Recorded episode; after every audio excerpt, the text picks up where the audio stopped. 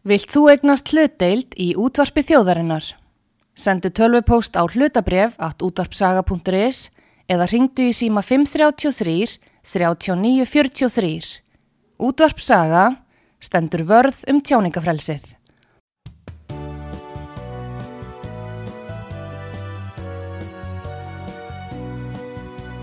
Sýteðis útvarpið á útvarpi sögu í umsjón Pétur Skunlökssonar.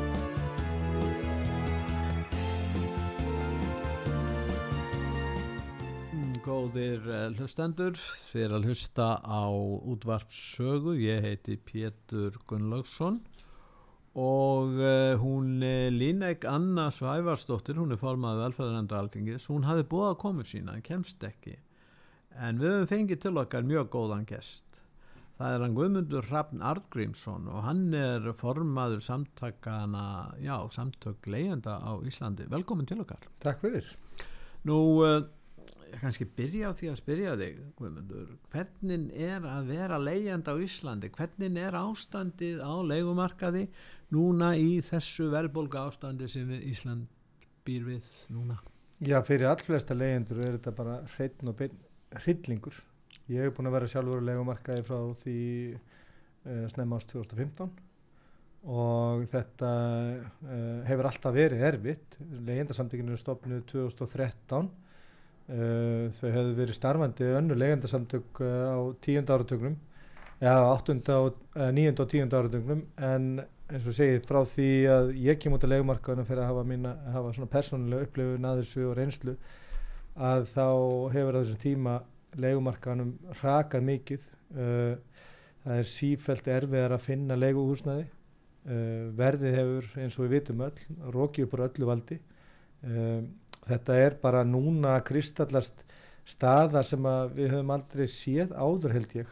Uh, þar sem að uh, það eru uh, 200 manns kannski að sækja um hverja einustu íbúð sem kemur inn á markaðin og þetta eru tölur sem maður heyri reglulega með þegar maður tala við leigusala að það er þeir loka fyrir umsóknir þegar það eru konar kannski 200 það eru kannski konar bara í 200 á einu degi sko þannig að neyðin er alveg gríðarlega át úti og þetta nýta margi leigur sala sér. Því miður uh, vegna þess að ástandið eins og er, það dregur það versta fram í mjög góðu fólki sem eru leigursalar Getur þið tekið nokkur dæmi, komið dæmi um verð á leiguhúsnaði hérna, þú þekkir uh, það og, og hvað sumir þurfa að greiða fyrir húsnaði hér. Já við skulum halda okkur kannski við höfuborgarsvæði Já við höfum verið núna síðan í loki janúar leyendarsamtökinu verið með verðlags eftirlit á legumarkaðin vegna þess að það eru til ofnbæra tölur um legumarkaðin það er svo verðsjá húsalegu sem var áður í umsjón uh, þjóðskrár eða fastegnarskrár og er núna komin undir húsnæðsamannvíkjastofnun sem vel að merkja er komin eiginlega með alla gagnuöflun, vinslu og framsetningu á tölfræði um húsnæðismarkaðin sem okkur þykir reyndar mjög alvarlegt. En þessi verðsjá, hún er byggð á, eh, engungu byggð á þinglustum samningu sem eru minni hluti samninga. Það kom fram í konunum sem að Hagstofan gerði bara fyrir eh, stuttur síðan, nokkur mánuðum, að eh, einugis 48-9% af leyendum þinglista samningum sínum og það eru yfirleitt samningar sem kom frá Bjarki, félagsbústöðum uh, Brynju og svona samningar sem eru í lagri kantun þannig að svo verðsjá húsalegu sem að, uh, er þessu ofnbæra um, hvað maður að segja ofnbæra ofnbæra tölur um það hvernig verðþróun er á legumarkaðum, hún sýnir bara ekki réttu myndina. Vegna þess að að meiri hluti samninga og þá þeir samningar sem eru á markaðskjörum þeir eru fyrir utan versjóna og koma þar lendi heldur ekki inn í tölunar sem að liggja að grunn undir vísitölun En akkur þinglýsir ekki leigutæki hérna Hann hefur engan hag af því vegna þess að eini hagu, hagurinn sem hann hefur af því og eini kvatin sem að leigjandin hefur af því að þinglýsar leigusamningi er til þess að sækjum húsnæðarsbætur og leigjandi sem getur borgað 300-400.000 í leigu hann hefur uh, strax bara við það að geta borgað leigun og ekkit annað hefur uh, það hafa tekjur hann fæ, myndi aldrei fá húsalegubætur eða húsnæðisbætur og þar lendir þinglísan ekki samningum, þar lendir kemur hann ekki inn í þennu ofnbæra grunn sem að liggur til grundvalla vísutölunni sem að okkur hefur enda þótt alveg nógum vegna þess að þráttur að þessi vísitala sem byggir á þessum ódýru samningum og sem er í minni hluta samninga að þá sýnir það samt sem aður hræðilega þróun á íslensku legumarkaði síðastan áratug. En svo höfum við uh, frá því í januar tekið okkur saman við stjórnlegendarsamtakana og við uh, uh, höfum framkvæmt verðlags eftirlit þar sem við erum bara daglega að skoða allt frambóð á auglistri húsalegu uh, á öllu landinu og höfum skráðum þetta skipulega niður og greinum þetta niður í starðaflokka og postnúmer og, og, og verðflokka og þar fram til göttunum og hefum uh, náða að reikna út þar sem við köllum verðsjá eða auglist húsalega uh, og þar erum við að sjá uh, verð að meðaltali svona 30% herra heldur þess að ofnbyrra uh, vísitala húsalegu segi tilum og það er orðið mjög algengt að uh, íbúðir hérna á höfuborgarsvæðinu svona í starð uh, 70-90 fermetra íbúðir. 70-90 fermetra Já, það er orðið mjög algengt Það er þryggja herbygg íbúðir Já, þryggja herbygg íbúðir 70-90 fermetrar að það er orðið mjög algengt að þær séu komnar í 300.000 krónur á mánuði. Mm. og þetta eru náttúrulega eh, alveg, þetta eru gríðarlega háatölur og uh, það hefur dreyið alveg rosalega uh, á, uh, sagt, á milli auki spilið á milli ráðstofunartekna leyenda og húsalegu og álag húsalegu á lámaslögunni eða láti ekki hópa á höfbruksvæðinu er næstu tvísarsunum eða tvöfalt herri heldur en í höfuborgum hinnan Norðurlandana við miðum við svona almennt uh, meðal leiguverð í Stokkólmi og, og Oslo og Kaupmannöfn og svo gagvært lá, lámastekjum í þessu löndum að það var álægið uh, næstíu tvisasunum herra hér á Íslandi. Og þetta er bara orðið gríðarlega alvarlegt og ég botna ekkert í því í dagfrekarinn í gæra okkur að þetta verður ekki til þess að, að, hérna, að stjórnveld stýji fasta niður vegna þess að, að þau sína þessu alveg gríðalegt fálæti og líkum við að segja bara uh, nánast er efsivert uh, ætti að vera þetta fálæti og sinnuleysi sem sína stöðun og legumarkaði vegna þess að hún er svo alvarleg.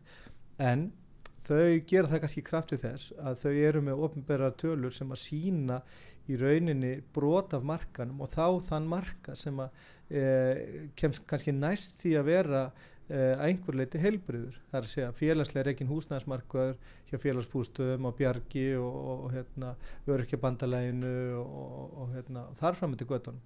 En ástandið á stærsta hlutamarkaðinu sem er um frjálsið legumarkaður er bara, þetta er gríðarlega alvarlegt vegna þess að þarna er verið að ógna uh, mjög skipulega uh, velferð þúsundna fjölskylda vegna þess að þarna úti eru um það byrjum 45.000 heimili á legumarkaði En ef við förum og ræðum um umræðuna um málinn og þú ætti að minnast á það hvernig svona afskipta leysi hins ofinbæra kerfis er í þessum málaflokki.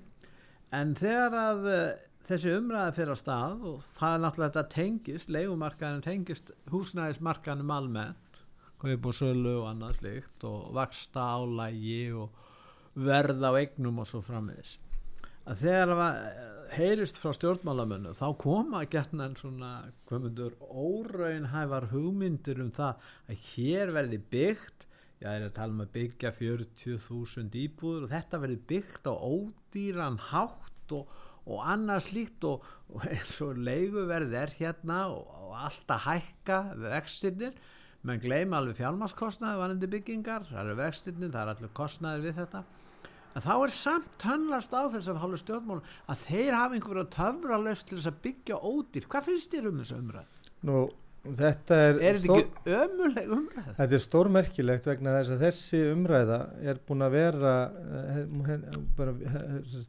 viðhöf þessi umræða stanslust frá 2015 Já. í tíð Þorstins Víglíssonar þáverandi húsnæðismannaröðara og svo setna í tíð Eiglóar Harðardóttur og svo aftur mm. í tíð Ásmundar og svo núna í tíð Sigurður Inga. Þessi umræða um að blása til stórkallalegs átags í uppbyggingu húsnæðis á, á, á landinu. Já, ódýr sko, Já, er er- ekkert af þessu gengið eftir. Uh, Við verum náttúrulega kannski byrja því að bregðast við þessu varandi um, verð á almennt á húsnæði. Þá er það þannig að samfylgni á milli húsalegu og fastegnaverðs eða markasverða fastegnum uh, undanfarin áratug uh, allt fram til ásloka 2021 hefur verið mjög óeðlileg hefur allt, verið allt upp yfir heilmikið herri samfylgni á milli húsalegu og markasverða fastegnum á Íslandi heldur en annar staðar uh, í Evrópu. Til að mynda þá hefur húsalega hækkað eh, frá 2011 í Evrópu um uh, 17% að jafnaði, hún hefur hækkað um 118% hér á Íslandi. Uh, fastegnaverð í Evrópu hefur hækkað um 43%.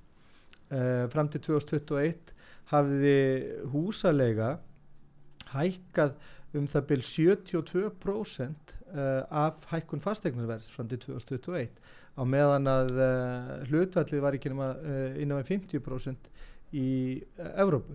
Það er að segja samfylgnin á milli, það er litið á það þannig að uh, markasverða fastegnum eigi einhvern veginn að endurspeglast í leiguverði.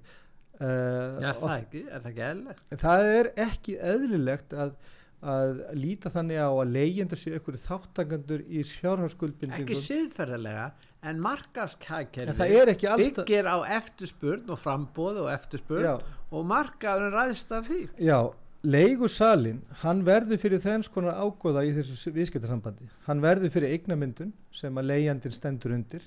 Hann verður fyrir uh, mikilli eignamyndun við hækkun á húsnæði og hann á hek, ekki að, uh, að líta þannig á að leigjandinn sé skuldbundi til þess að standa undir þessu uh, og jafnvel umfram það vegna þess að fjármagskostnaður á, á, á íbúðum að leigumarkaði uh, fram til uh, ásloka 2021 uh, hann er miklu minni heldur en húsalegan. Uh, við skulum, ef við förum bara aftur til 2009 þá er talað um að 50% af, af leigumarkaðinu sé til þá. Uh, 95% af leigumarkaðum er til uh, við áslokk 2021 sem þýðir að þær fastegnir sem eru á leigumarkaðum þar ber ekki þann fjármagskostnað sem að endur speglast í, í fjármagskostnaði dagsins í dag eða uh, í setjum hluta síðast árs. En fjármagskostnaði þeirra leigusala sem er að komin á leigumarkaðin með eignir sem hafa verið keiftar um, kannski síð, síðla árs 2021 eða yfir árið 2022 uh, þ- þ- sá fjármaskostnaður er notuð sem réttlæting fyrir almennri hækkun á legumarkaði þrátt fyrir að lang, lang stærsti hluti þeirra fastegna sem eru á, á, í útlegu ber ekki þennan kostnað Mm. og það þó það væri þannig þá á, á, maður, e- á leigusalinn ekki að geta framselt þennan fjármaskostnað vegna þess að leigandinn hefur ekkit um það að segja hvaða lánakjör eða hvað, Mm. hvers mm. kjör þessi leigusali hefur valið sér og hann á ekki geta uh, tekið öll óhagstæðustu lánin uh, með, með hérna uh, til, stu, til kannski uh, 25 ára og láti leigjandunum að borga þetta fyrir sig Mm. það er nummer 1, 2 og 3 í, í þessu það er ekki beint viðskiptarsamband að þessu leiti tilmyndi leigusalans og leigandan og ef svo væri þá ætti leigjandi náttúrulega að njóta góðs af því eða fastegnin hækkar í verði eða verður Mm. ykkur aukin eignamyndin hjá leigusalanum ef að þetta viðskiptarsamband er fyrir hendi það er það ekki, leigjandin er bara að leigja ákveðna vöru Mm. af uh, af hérna af leigusalunum og á ekki að hérna, að hérna líða fyrir uh, fjáraskuldbindingar hans og Nei. hvernig hann velur að móta þær En Guðmund, ef við tökum dæmi bara núna nú hafa vextir hækkað og hækka mikið og sömur geta ekki staðið undir greiðslubyrðinni. Það er alveg auðljóst og líka sömur sem hafa kannski verið að leia kannski einhverju sem á tværi búðir og, og hérna eða hvernig sé það er og hann þarf að greiða herra verð og hann segir ég verð að setja eignina á, á, á sölusgrá að vísu hefur einhver verðlækkum verið en ég setja hann á sölusgrá að ég get ekki átt eignina. Og hún hefur leið og svo tilkynna hann leigutakanum að því miður þá hafa hann ekki efna á því hann kannski býðulega, þú mátt kaupa íbúðinni þú getur. Og, og hérna og þá er sagt upp með ellum fyrirvara og allt gengur fyrir sér þannig. En þannig er dæmi um það að þannig er viðkomandi leigusali hann getur ekki lengur haldir íbúðinu sem hann er að leia og uh, það þýðir það það verður minna fram, frambóð á húsnæði. Og það getur vel verið að sé nokkuð margi sem er í stöðu sem ég er að búa til þetta er tilbúið dæmi og hvað gerist þá? þá minn verða færri íbúðir til leigu. Og þá hvað gerist þá Guðmund? þá hækkar leiguverðið enn frekar. Er það rétt? Já, já, að sjálfsögðu- að sjálfsögðu er það þannig en, en við erum átt okkur líka því að þetta húsnæði það hverfur ekki. Nei, það hverfur ekki, það eigs bara uh, það er einhver sem kaupir það Já, til að búi því já, en ekki leiða að það. því að þetta er, þetta er hópur af fólki sem vantar þak yfir höfuði Mm. hvort sem það er til kaupi eða leigu þannig að það, ef að fækkar íbúðum á leigumarkaði þá fjölgar þeim á kaupendamarkaði sem verður þess að fastegna verði lækkar. Og ef að Uh, það er enginn til að kaupa þessi íbúður vegna þess að leyendur fá ekki greiðslum þá lækkar húsnæði enn frekar sem gerir það að verkum að þá eiga leyendur meiri, me, meiri möguleika að komast inn í þau. Þetta húsnæði hverfur ekki. Það er alltaf til staðar fyrir uh, eitthvað til að búi það er eðli húsnæðisins. Uh, það eru hafa verið uh, hefur verið rannsakað hvort að einhvers konar svona hérna, ívilnun eða inngripin í leigumarkaðin hafi áhrif á frambóð þar sé að vilja fjárfesta til þess að fjárfesta uh, inn á húsnæðismarkaðinum uh, við, við, sko þar segja við eitthvað svona regluverk á leigumarkaðin og það hefur sínt sig að það hefur uh, mjög takmörkuð áhrif. En við bara grundvallega atrið er þetta húsnæði hverfur ekki. Og ef að fjölgar á kaupendamarkaði eða seljendamarkaði þá hefur það áhrif á fastamægna og það mun verða til þess að þeir að þessi hluti leyenda sem að kennst þá í sér þetta hverfur ekki þetta húsnæði þó að það flýtist á milli þessara tveggja markaða og þá í leiðinni fjö, lækkarverðið á kaupendamarkaði þá flýtjast hluti leyenda yfir kaupendahópin þetta hverfur ekki þetta húsnæði. Það fer ekkert Nei, en sko, nú, nú eru til fastegnafélög ég veit ekki hvað skoðan þið hafa á því hjá leiðendasamtökunum það eru fastegnafélög, þau hafa nú aðlega verið að leiða uh, undir atvinnuhúsnæði en þeir eru líka farnir að leiða uh, undir bara heimili og, og íbúðahúsnæði uh, nú myndi þeir segja já, vextir hækka. Framf uh, hérna, uppbyggingarkostnaður uh, framkvæmdakostnaður, vextir og framkvæmdakostnaði, hækkar, lánum, framkvæmdalánum og svo framvegis. Uh, hvað afstöðu tekur þá fastegnafélagi til leiguna? sko, Þe þe þetta, er, þetta er náttúrulega, ef við erum komið með þessi félag. Já, þau ráða orðið ansi miklu og e, vinna nánast á svona stjórnlausum og óregluverðinu markaði. Áttum okkur einu. Uh, Vísitala byggingakostnaður hefur hækkað um 74% frá 2011. Fastegnaverði hefur hækkað um 220%. Þrefalt meira. Uh, Ávöstunarkrafa uh, byggingafélag og fastegnafélag á íslenskum húsnæðismarkaði er kannski uh, fjóru til áttasunum herri heldur en almennt er talið í löndunum í kringum okkur. Borgarstöld London let gera skýslu fyrir sig fyrir nokkrum ára síðan þar sem að þrjóði ágjörði því að ávöxtun fastegnafélaga inn á bygg, húsnæðisbyggingamarkaði í London var komin í 16%. Uh, töldu að þessi ávöxtunarkrafa þurfti að liggja á bilinu 22 til 8% til þess að fleiri fastegnafélög sagði sér hagi því að byggja húsnæði í London uh, við vitum alveg hvernig þetta er hérna ég vinn sjálfur í og í kringum þennan geira Já. að ávöxtunarkrafan er aldrei minn en 100% og Vitu, hvernig færið þetta út á 100%? Segðu okkur já, sko, við erum með þrjár leiðir til þess að reikna byggingu Já. við getum komist í, og fyrir utan það getum við komist í hugsanlega kostnæðar áallan hjá, hjá hérna, byggingavertökum og séð það og, og hérna og sumir hafa haft aðgang á þeim og, og staðfest þar sem að einar uh, ofnbæru leiði eru, það eru til ofnbæru leiði til þess að reikna byggingakostnað það er að segja að það er til veljarsreikni vel byggingakostnaðar í hagstofunni.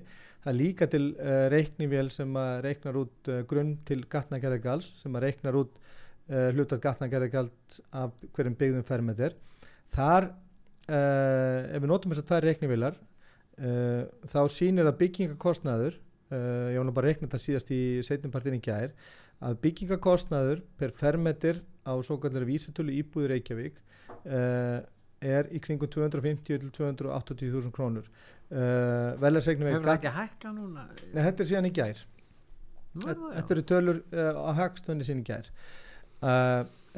Vísitala uh, byggingakostnaðar eða þessi reiknivél hún er búin til þannig og hugsanlega fullkonasta reiknivél sem að hagstun hefur búið til að tveir starfsmenn hagstofunar tóku þátt í þegar að reysa stegagangi breiðholti 1987 þar sem að þeir tóku kvittanur og skráðinu hvernig einasta kostnað sem að fjall e, við frangvandina meiri segja það að keira út í búð og kaupa gemálki kaffið þeir tóku hvern einasta greiðsluseðil fyrir einasta nagla og hver einasta handvirkji og viðvirkji sem, viðvirkji sem var frangvænt við að koma upp að 12 íbúðum í stíðagongi og gáttu reikna þar leðand út færmetrarverði.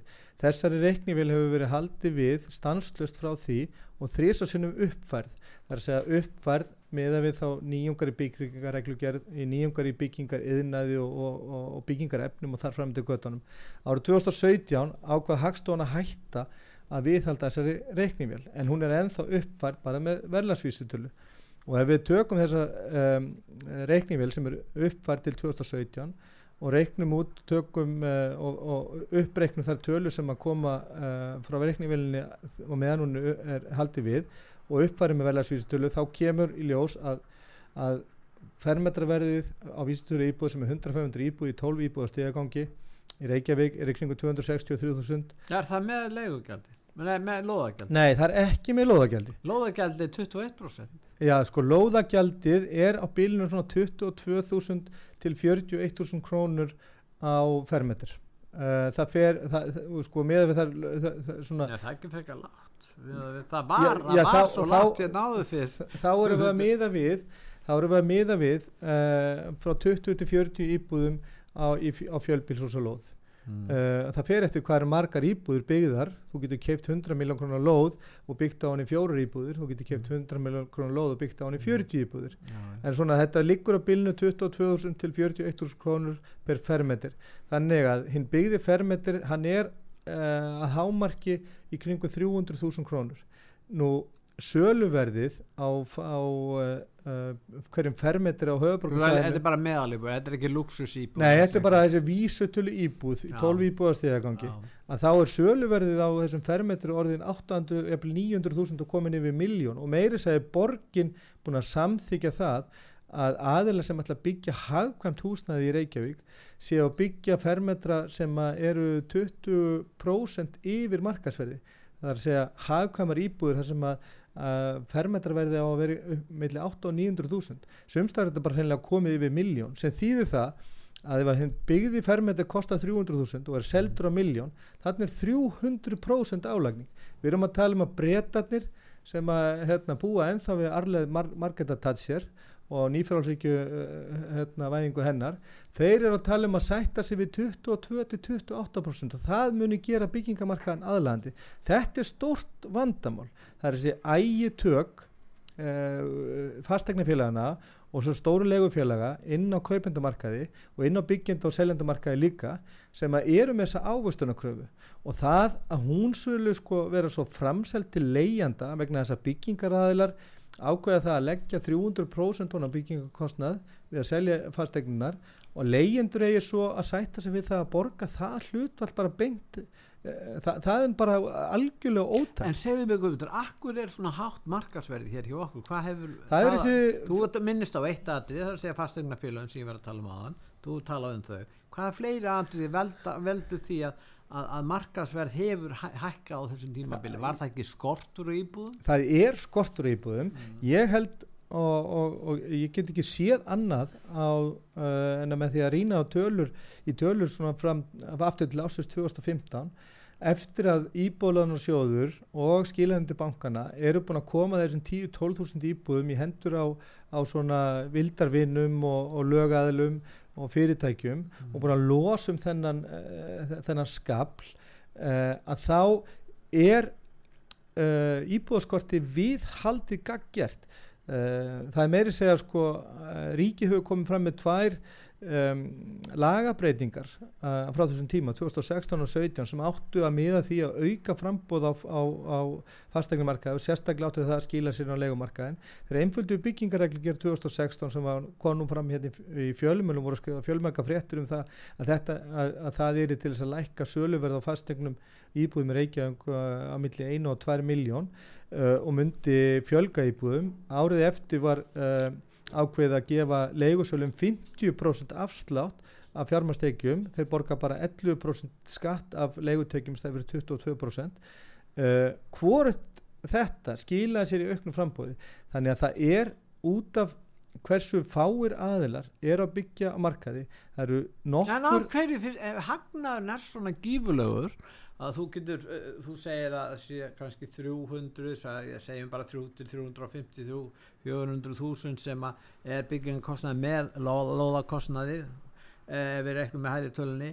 Eh, akkur ætti ekki verktakar að byggja meira og, og, og, og hérna, selja meira af íbúðum? Að því að þeir reikna hagna sinn út frá hver, hversu mikið græða per fermetri þeir hafa engan haga því að lækka fastegnaverð þetta er hversu marga krónur þeir fá fyrir byggða fermetri þetta er ekki spurning fyrir þá um að byggja fleiri fermetra og fá læra En fermetri það er svo mikill hagna ef þau geta selt ef þú talar um allt í miljón segjum svo bara 800.000 gerur að fyrir sem að selja fer, fermetraverði hjá þeir sem 800.000 og þeir eru að byggja kannski að 350.000 Mhm. Þá eru þeir að fá þarna 450.000 mm -hmm. í hagna, það er náttúrulega svo mikill hagnaður að, að, að, að, að akkur ætti ekki verktakarnir að fara að stað það segir okkur bara og staðfesti bara einfallega það Mm. að markaðurinn hann virkar ekki. Það er ekki eðlilegt markaslögumál fyrir hendi á fastegnamarkaði Þú meinar hinn frjálsi markaðar á ekki að stýra ég, sko ef hann myndi virka eins og uh, frjáls hann virkar ekki eins og þú segir. Nei, ef Þú hann myndi segir. virka það, en, en, sko, það þarf, að, þarf að koma til einhver aðil eins og ríki og sveitafélög lífyrirsjóðnir þurfa að koma inn á hana markað með aðra forsendu með þólimátt fjármagn. Nú við erum með uh, sko, aðila inn á markaðin sem að uh, myndu í flestum öðru síður löndum vera bara kallaði braskarar Mm, sem, að, sem að vinna inn á svona markaði hafa tögluhaldir skamta íbúðum meira markaðin til þess að viðhalda uh, háu fastegnuverði menn hafa kannski lært eitthvað í hruninu þegar það varð offrambóð á húsnæði hérna 2007 og ætla að koma í veg fyrir það með öllu ráðum vera alltaf bara 10, 15, 20% undir þörfinni til þess að viðhalda stí, uh, hérna, stígandi fastegnaverði Mm. vegna þess að, að til langstíma mun það náttúrulega gagnast fastegnafélögunum að vita það að fastegnaverð mun, mun ha- halda árum að hækka þetta 8-12% á ári uh, og svo gerir þeim þá kleift að vera með kannski 200-300% álegningu uh, ég, ég, sko, ég veit ekki hvað fyrir gegnum hugan á þessu fólki en þetta er staðrindin En, en, en þú myndist á Já. og við fórum að líka að tala um lóðakostnað. Og hér áður fyrr hafa verið að útluta lóðum hér í gamla daga. Ég er nú alveg það gamall í bann eftir því. Og þá var talað um það að lóðakostnaður, það voru bara gattangerðgjöld þetta var um 4% af heldarkostnaði fastegnar núna erum við að tala um 22% að jafnaði og, og miklu herra í mörgum tilfellum. Þannig að eh, er þannig ekki að finna skýringun á hækkandi verði á fasteignum að miskosti að einu leiti og þar með hækkandi verð á leigu. Jó, að sjálfsögðu, þarna byrjar þannig þetta. að þú ert að tala um að sveitafélagin það eru sveitafélagin sem eru meðal annars sökudólkar í þessu máli. Já, þarna byrjar að, með því að fara á markaðinn bjóð upp eignirnar fá eins mikið fyrir það á markaðin sem var ekki stefna hér Reykjavíkuborgar áður fyrir Nei, þegar að meira sjálfstæðisflokkurinn gamli stjórna þessu Mhm. þá stjórnaði hann samkvæmt læginu 4% núna kom til Ingibjörg Solrún Gísladóttir Mhm. þá var farið að selja eignirnar á uppbúðu fá eins mikið fyrir þess og hægt er.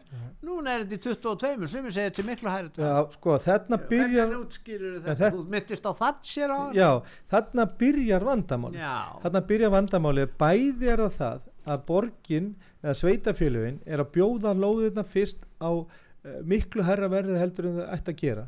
Uh, uh, sko þeir bara á getur bjóða í það. Já, það var uppbúða já, já, já þetta er, þetta er, bæði er þetta bóðið í þetta og samiðum þetta Já, og svo er þetta þessu útluta líka. Lóðaverð hefur, hefur tífaldasta raunverði á, hérna, á einum og hálfum árandug það er ekki bara þar heldur líka eigenda skipti lóða eftir að Reykjavík borg er búin að útluta við horfum upp á dæmi núna bara hérna hausti 2021 þar sem að fyrirtæki sem að ég held að hafi verið fyrirtæki sem heitir Klasi sem hafa átt byggingarétt hérna upp í Ártúnsvaldi í Ártúnsbrekkunni. Uh, fekk hann á 1 1,2 miljard uh, fyrir eh, hérna, ég man ekki hvort það voru fjögur þúsund íbúður eða eitthvað álíka sem að var á þeim byggingarétti uh, Klasi seldi þorpinu vissbyggingafélagi þennan byggingarétt fyrir 7,2 miljard Já, þetta er þarna ótrúlegu Já, þarna eru sko 5,8 miljardar teknir út úr einhverju hugmyndum um Mm. íbúðir sem að mér náttúrulega rata inn í kaupverði og þar lendi Braska með lóðir sem uppalega voru eign sveitafélags Já, og, þarna, og þetta er líka eitt dæmi um mjög óeðlega viðskipti og ég hef nú verið að lesa skýslur frá hérna, uh, hérna Basel stopnuninni og líka uh, öðrum stopnunum sem hafa verið að skrifa um peningaþvætti í byggingariðnaði og fastegna markanum almennt að þetta er talað um til dæmi sem einn algengsta leiðin í peningaþvætti Já. það er að uh, hérna, sísla með lóðir og hækka verðgildi á svona byggingahugmyndum á hugmyndastígi Já. uh, eins og gerist þarna þarna eru hugmyndur um íbúður uh, seldar á 5,8 miljardir umfram kostnað Já. og þetta er náttúrulega mjög óðurlegt og rík og, rík og sveitafélag sem er að skaffa lóðir þau eiga bara skilir þessar lóðir og líka að hérna vera ekki að líta á lóðir sem uh, um, tekjur það hefur ekki verið þannig, það var ekki þannig að lóðir áttu að, að útvega tekjur fyrir hérna sveitafélagun að, að Nei. þetta gerist á simbu tíma og aðstöðugjöldin eru lögð niður hérna 1993 held ég Já. minnum að það hafi verið Já. þá fara sveitafélagin að missa þessa tekjustofna Mm. og fara í auknum mæli svona að líta til þess að lóð, lóðir ætti að koma í staðin og það, það hefur svo aldeilis orðið þannig að, að lóðasala er orðið gríðalegu tekju lind fyrir sveitafélagun og ég, uh, Hafnafjörðu var nú bara auglýsa lóðir í nýju hverfi núna í haust og, og, og slóðu svo mikið á brjósti við því og, og þar voru ódýrustu einbjörnslóðunar held ég á 35 miljónur Lóðin undir Já, lóðin, sko. Já. og hérna Þannig að einbýlishúsi kannski kostar þá það kostar aldrei undir 100 miljónur Það fer yfir 100 Já, miljonar og, og, og, en, en svo hef, talaði ég nú við uh, fróðamann uh, nýlega um þetta sem vildi meina að af því að stór hluti svona eignafólks lífur orðið meira og minna bara á, á hérna, fjármastekjum að þetta væri leið sveitafélagan til þess að fá rauninni svona framtíðar útsvarið Já. frá þessu fólki með því að selja um dýra lóðir vegna þess að þau mun ekki borga útsvar vegna þess að tekjur, launatekjur eru svo lága Já, já, það er kannski svona útfæsla á það. Já, þetta er svona Já, en, en uh, góðir hlustendur þið er að hlusta á útvarp sögu ég heiti Pétur Gunnlaugsson og gestur minn í þessum þæ- þætti er Guðmundur Hrafn Artgrímsson hann er formaður uh, leyendasamtakana og við erum að, að ræða um húsnæðismálin. Og ætlum að halda því áfram eftir auðlýsingarlíða við ætlum að hlýða á nokkru auðlýsingar og, og hérna svo höldum við áfram umræðin á eftir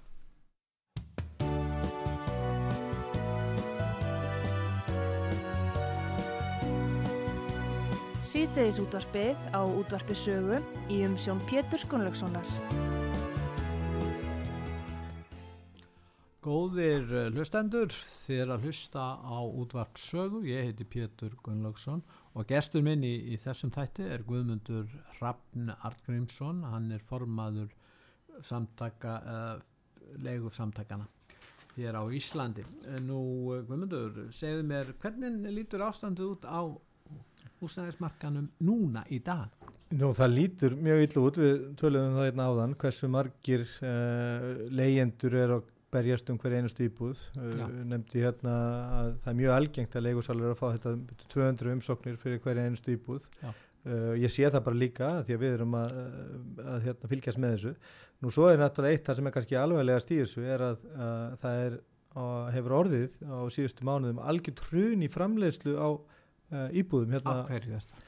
Nú það er út af því að uh, uh, þeir sem að byggingar aðeinar og fastegningfélög sjá að, að uh, það er að verða stöðnun á fastegnumarkaði það er að svona fastegni verður að lækka og það er lendi dregur og kvata fyrir þessi félög til þess að halda frá byggja uh, og við sjáum það bara strax. Ég, hef verið að rýna tölu frá húsnæðsmannveikastofnun um þær íbúður sem hafa verið að koma inn á markaðin fullbúna nýjar núna fyrstu tveim mánuðum ársins. Og framferð sem horfir og ég býst við að það muni hæja frekar á þessu heldur en hitt að þessi áhrif þessara stöðnuna á fastegnumarkaði er ekki komin að fullu fram ennþá. En fyrstu tvo mánuði ársins ef að, ef að, ef að hérna, svo þróun heldur áfram sem að ég vænti að munu jafnvel draga úr þeirri þróun að draga úr framleyslu að þá mun uh, verða framleita um 2200 íbúður á landun öllu og um 840 íbúður í Reykjavík. Nú borgarstjóri á hvaðlöngun tíma?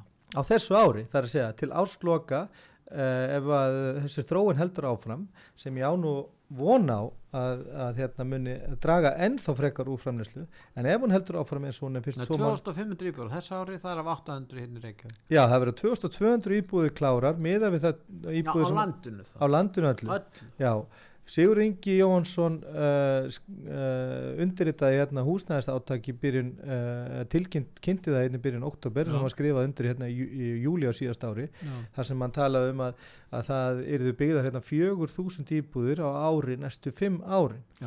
við erum að tala um kannski 2200 íbúðir ef að vel lætur í ár Já. uh, það er helmingurinn það er helmingurinn, Dagur B. Ekkerson og Sigur, Jóhansson, Sigur Ingi Jóhansson skrifuðu svo undir sérstakt áttak hérna fyrir uh, Reykjavík Mm. núna í 3. janúar Mm. þar sem að uh, uh, þeir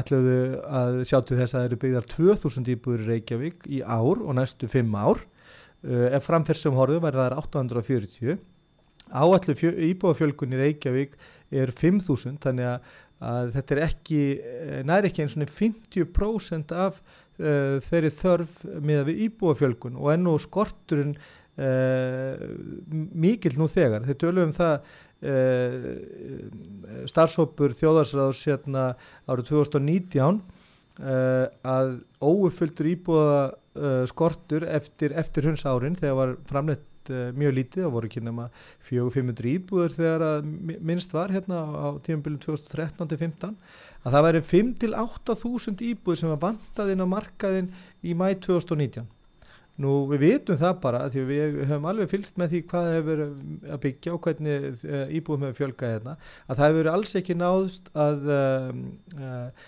ekki einu svona halda í við íbúðaþróun og hvað þá að uh, fylla upp í þetta gat. Og núna erum við bara að horfa fram á algjört hrun í framleiðslu á íbúðarhúsnæði ofan í þetta ástand, ó, ástand uh, með óregluvætan legumarkað og það bara að verða hérna algjörar hamfarir, eitthvað sem við höfum aldrei séð áður. þú myndist á þetta nú erum við að líka hafa í huga að það streymir fólk til Íslands Já, það str- allstar að, Já, bæði frá. Já. og svo náttúrulega út af, Úkrænu og Venezuela og fleiri stöðum og núna er frumvarp um rýmri reglur um dvalar og atvinnuréttind útlendinga þannig að það mun ekki ná til evróska efnaðarsvæðisins engungu heldur líka alls heimsins já. Þannig að, að það leikur bara í augum uppi þetta verður til þess að fjölga hér fólki sem er að kominga Og skapa spennu. sparparspennu Já. og svo höfum við náttúrulega stöðu unga fólksins getur ekki keift íbúðir. Þú lýsir leigumarkan og þekkir hann svo vel. Og, og það er óætt að segja að það er ófremdar ástand í húsnæðismálum á Íslandi og við heyrum ekki frá stjórnmálastjettinni hvernig ná að taka á þessu málum Nei, og er rauninni alls, sko, sérlega anstíkileg framkvæmdi á stjórnvöldum að hella þessu vandamáli ofan á leigumarkaðin og líta svo bara undan. Uh, taka móti þúsundum einstakleika hérna, bæði sem eru að koma hérna til þess að vinna og eru að flýja heimalöndi sín uh, og taka móti þeim e, e, e, eins og við náttúrulega eigum að gera Já sjálfsögðu. En að- bátt en að hella þessu vandamáli yfir leigjendur á íslensku leg, óregluvetum íslensku leigumarkaði án þess að hafa nokk, nokkra döngun í sér að gangast við vandamáli sem er þarna fyrir og eru raunin að skapa algjört ófremdan ástand og eru í auknum mæli að skapa spennu eh, á, hérna, hjá leigjendu varðandi þetta. Og það er anstíkilegt að koma leigjendum í þá stöðu að þurfa að hérna, hérna, keppa við um, fólk sem er að koma hérna bæði sem flóttamenn og, og, og, og farandvetta fólk til þess að hérna, vinna hérna í, í, í ferðarþjónustu og, og byggingar innaði án þess þó- að gera einhvað til þess að, að markaðurinn sé sæmulegu fyrir alla heldur bara hella þessi við leigumarkaðin og svo er hann nú svo komið þannig að eh, til dæmis Reykjavíkuborg er með fimm manns í fullu starfi við það að finna leigu íbúður handa uh, flótafólki Er það rétt sem ég hef heyrt, það er sem ég hef ekki fengið að staðfest, að flóttamenn hafa verið sett inn á hótel? Já, já, og eru bara dýr hótel, ég var að frétta að það verið að flytja útlendinga úr, úr, úr þeir ger- herbyggjónu sínum hefur þú hertið þetta? Já sko þetta er almennt, Reykjavíkborg gerir þetta almennt líka fyrir fólk eh, sem að hérna, eh, er á götunni, ekki bara fyrir útlendinga. Fólk sem að er í Já, heimilislausa fólk. já, já, fólk til dæmis fjölskyldur sem að eru kannski, get ekki fengið húsnæði eða er á vergangi og eiga rétt á félagslega húsnæði. Já. að Reykjavíkborg hefur verið að borga þetta fyrir er þetta náttúrulega fólk. mjög óhagstæð og Já, já, Ég- þetta er náttúrulega mjög skrítið að, að, hérna, að sjá sér fært að eigða tölvöld miklum fjármunum í svona aðstóð í staðin fyrir að fara sjálft bara inn á húsbyggingamarkaðin og sjá til þess að séu íbúður fyrir alla að því að sveitafélagið hefur samkvæmt bæði húsnæðarslögum og, og lögum um félagsstjónustu sveitafélaga skildur er um skildur, lagalega skildur og Mm. líka samkvæmt mannreittar sáttmála saminnið þjóðana hefur skildur En um hvað að sjá segir til um þess það að við komum með einhverja raunhafi lausni, við þurfum eiginlega að tala um það núna að sveitafélug lækki verð á, á hérna lóðum. a- Það er ein leið til að laga stöðun, það? Já, sko, uh, ég er ekki sannfarið um það að uh, markaðurinn og þessir fáu stóra aðilar sem að hafa töklu haldur á, á húsbyggingamarkaði muni taka samfélagslega skildu sína sérstaklega alvarlega. Ég held að þessi eina leiðin er að sveitafélögin uh, og ríkið, jafnvel með lífyrirsjóðanum, uh, byggi sjálft uh, mikið af ódýrulegu húsnæði. Það er eina leiðin við þetta En ef þú tala um ódýst leiguhúsnaði, Guðmundur, ertu tala um þá að borga með Nei, húsnæðinu? ég er bara að tala um eins og í Danmörku, þar er uh, 80% leigumarkaðan reikið þannig að leigan endur speiklast ba endur speikla bara upphaflegan byggingakostnað. Það er að fjölbílshúsin eru byggð þannig að uh, það er tekið lán fyrir þeim til langs tíma, jafnvel upp undir 80 ára en alveg niður til 40 ára og byggingakostnaðanum er svo deilt niður á uh, leigu einingarnar eftir stærðum uh, og svo borga bara hver íbúð hlutvall af fjármarskostnaðanum og, og, hérna, og byggingakostnaðanum og, og alla tíð og þar leðandi sko lækkar leigan eftir því sem líður á, eftir því sem að borga láni niður, að þá lækkar húsalegan. Þetta þarf að gera hérna. Það má alveg vera til félögu eins og reygin og reytir og alma og, og, félag, og, og heimstæðin ef að það er nógu stórt kerfi, félagslega reiki íbúðakerfi sem myndur svo hafa verðmyndandi áhrif á hinmarkaðin. Það er ekki hægt að eftirláta hinnum frjálsa óregluvæta markaði að vera með 95% af leigumarkaðinum og stýra algjörlega frambóði og stýra algjörlega verði og að þess að ríki og sveitafélög hérna, stýji inn í annarkot með regluverki sem takmarki þá aðtapnið þeirra gagvært leigendum eða þá með frumkvæði við að byggja húsnaði fyrir alla og þar hafa þau skildur þau hafa skildur gagvært þessi fólki. Er, er- Ísland er eitt uh, af Evróparíkjónum, þau eru nú nokkur Evróparíkir sem að hafa uh, þvertiki fyrir það að undirrita samning uh, um, hérna, um kæruleiði fyrir íslenska íbúa til þess að kæra brota á réttundu þeirra til húsnæðis. Þetta er uh, samningur sem að, var settu fram árið 2014. Það eru tölvert mikið Evróparíkjum búin að undirrita þetta uh, og það hefur veit Hver, til hver, hver á að kæra? Já, þá er það þa þannig að þá hafa borgar í þeim löndum þar sem er búið undirundarsamningin Já. þá hafa borgarnir rétt til þess að fara með mál sín fyrir mannendadónstól saminuð þjóðana sérstaks ráð sem að heldur utanum viðauka sem heitir rétturinn til viðandi húsnæðis og það hefur orðið til Ákveða þeir þá verðin? Nei, þá hafa þeir geta sett ofan í við, við stjórnir, ríkistjórnir þessar landa um að uh, móta uh, húsnæðistefnum sína þannig að rétturinn til húsnæði sé, ó, uh, sé hérna, algjörlega skýr og, svei, og, og ríki og sveitafélag þurfi að axla þær ábyrðir. Það er að segja að byggja félagslega íbúa, íbúakerfi. Það hafa farið tvö dómsmál fyrir einmitt þennan dómstól frá Belgíu og Spáni sem hefur haft stórkoslega mikil áhrif á húsnæðstefnur þessar landana. En Ísland hefur ekki viljað skrifa undir, undir hennar samning. Það hefur löggilt uh, mannréttinda sáttmála saman þjóðana. Það hefur löggilt viðauka með mannréttinda sáttmála sem heitir rétturinn til viðauka húsnæðis en ekki vilja borgur, leifa borgurunum að leita réttar síns þegar brotið er á þeim vegna þess að mannréttinda sáttmálin og viðaukin er skýr með það að við höfum rétt til húsnæðis og sveitafélag og ríki þessu félagslega mannréttindi að hafa aðganga það, já, það, það stendur bara í, í, í mannréttindasáttmálu, það stendur líka í lögum um Ekki húsnæðismál. mannrétta sáttmála Evrópu. Nei, mannréttindasáttmálu saminu þjóðana Já. og viðaugunum hérna, viðauki við hann sem Já. er löggildur hérna, sem heitir réttunum til viðandi húsnæðis. Já. og svo er þetta líka í lögum um húsnæðismál. Þetta er líka í lögum um félagsstjónustu sveitafélaga það stendur þetta skýrt. Sveitafélag skul hafa frumkvæða því að afla húsnæðis fyrir íbúana. Það stendur bara skýrt í lögunum og þetta eru sveitafélagin að svíkjast undan. Og eftirláta markanum um að uppfylla skildu sína sem gerir það bara á allt öðrum forsendum. En, en, en áður nú ferð, ég veit að þú ætti að fara fyrr það er atriði í sambandi við að fara tilbaka. Hér áður fyrir, við förum kannski hvað er að fara 50 ára aftur í tíman uh, þá og fyrir þann tíma, þá, þá voru menn að byggja byrjuðu að byggja, bara ungir. Og uh, nú hérna og þá voru lóðir ódýrar.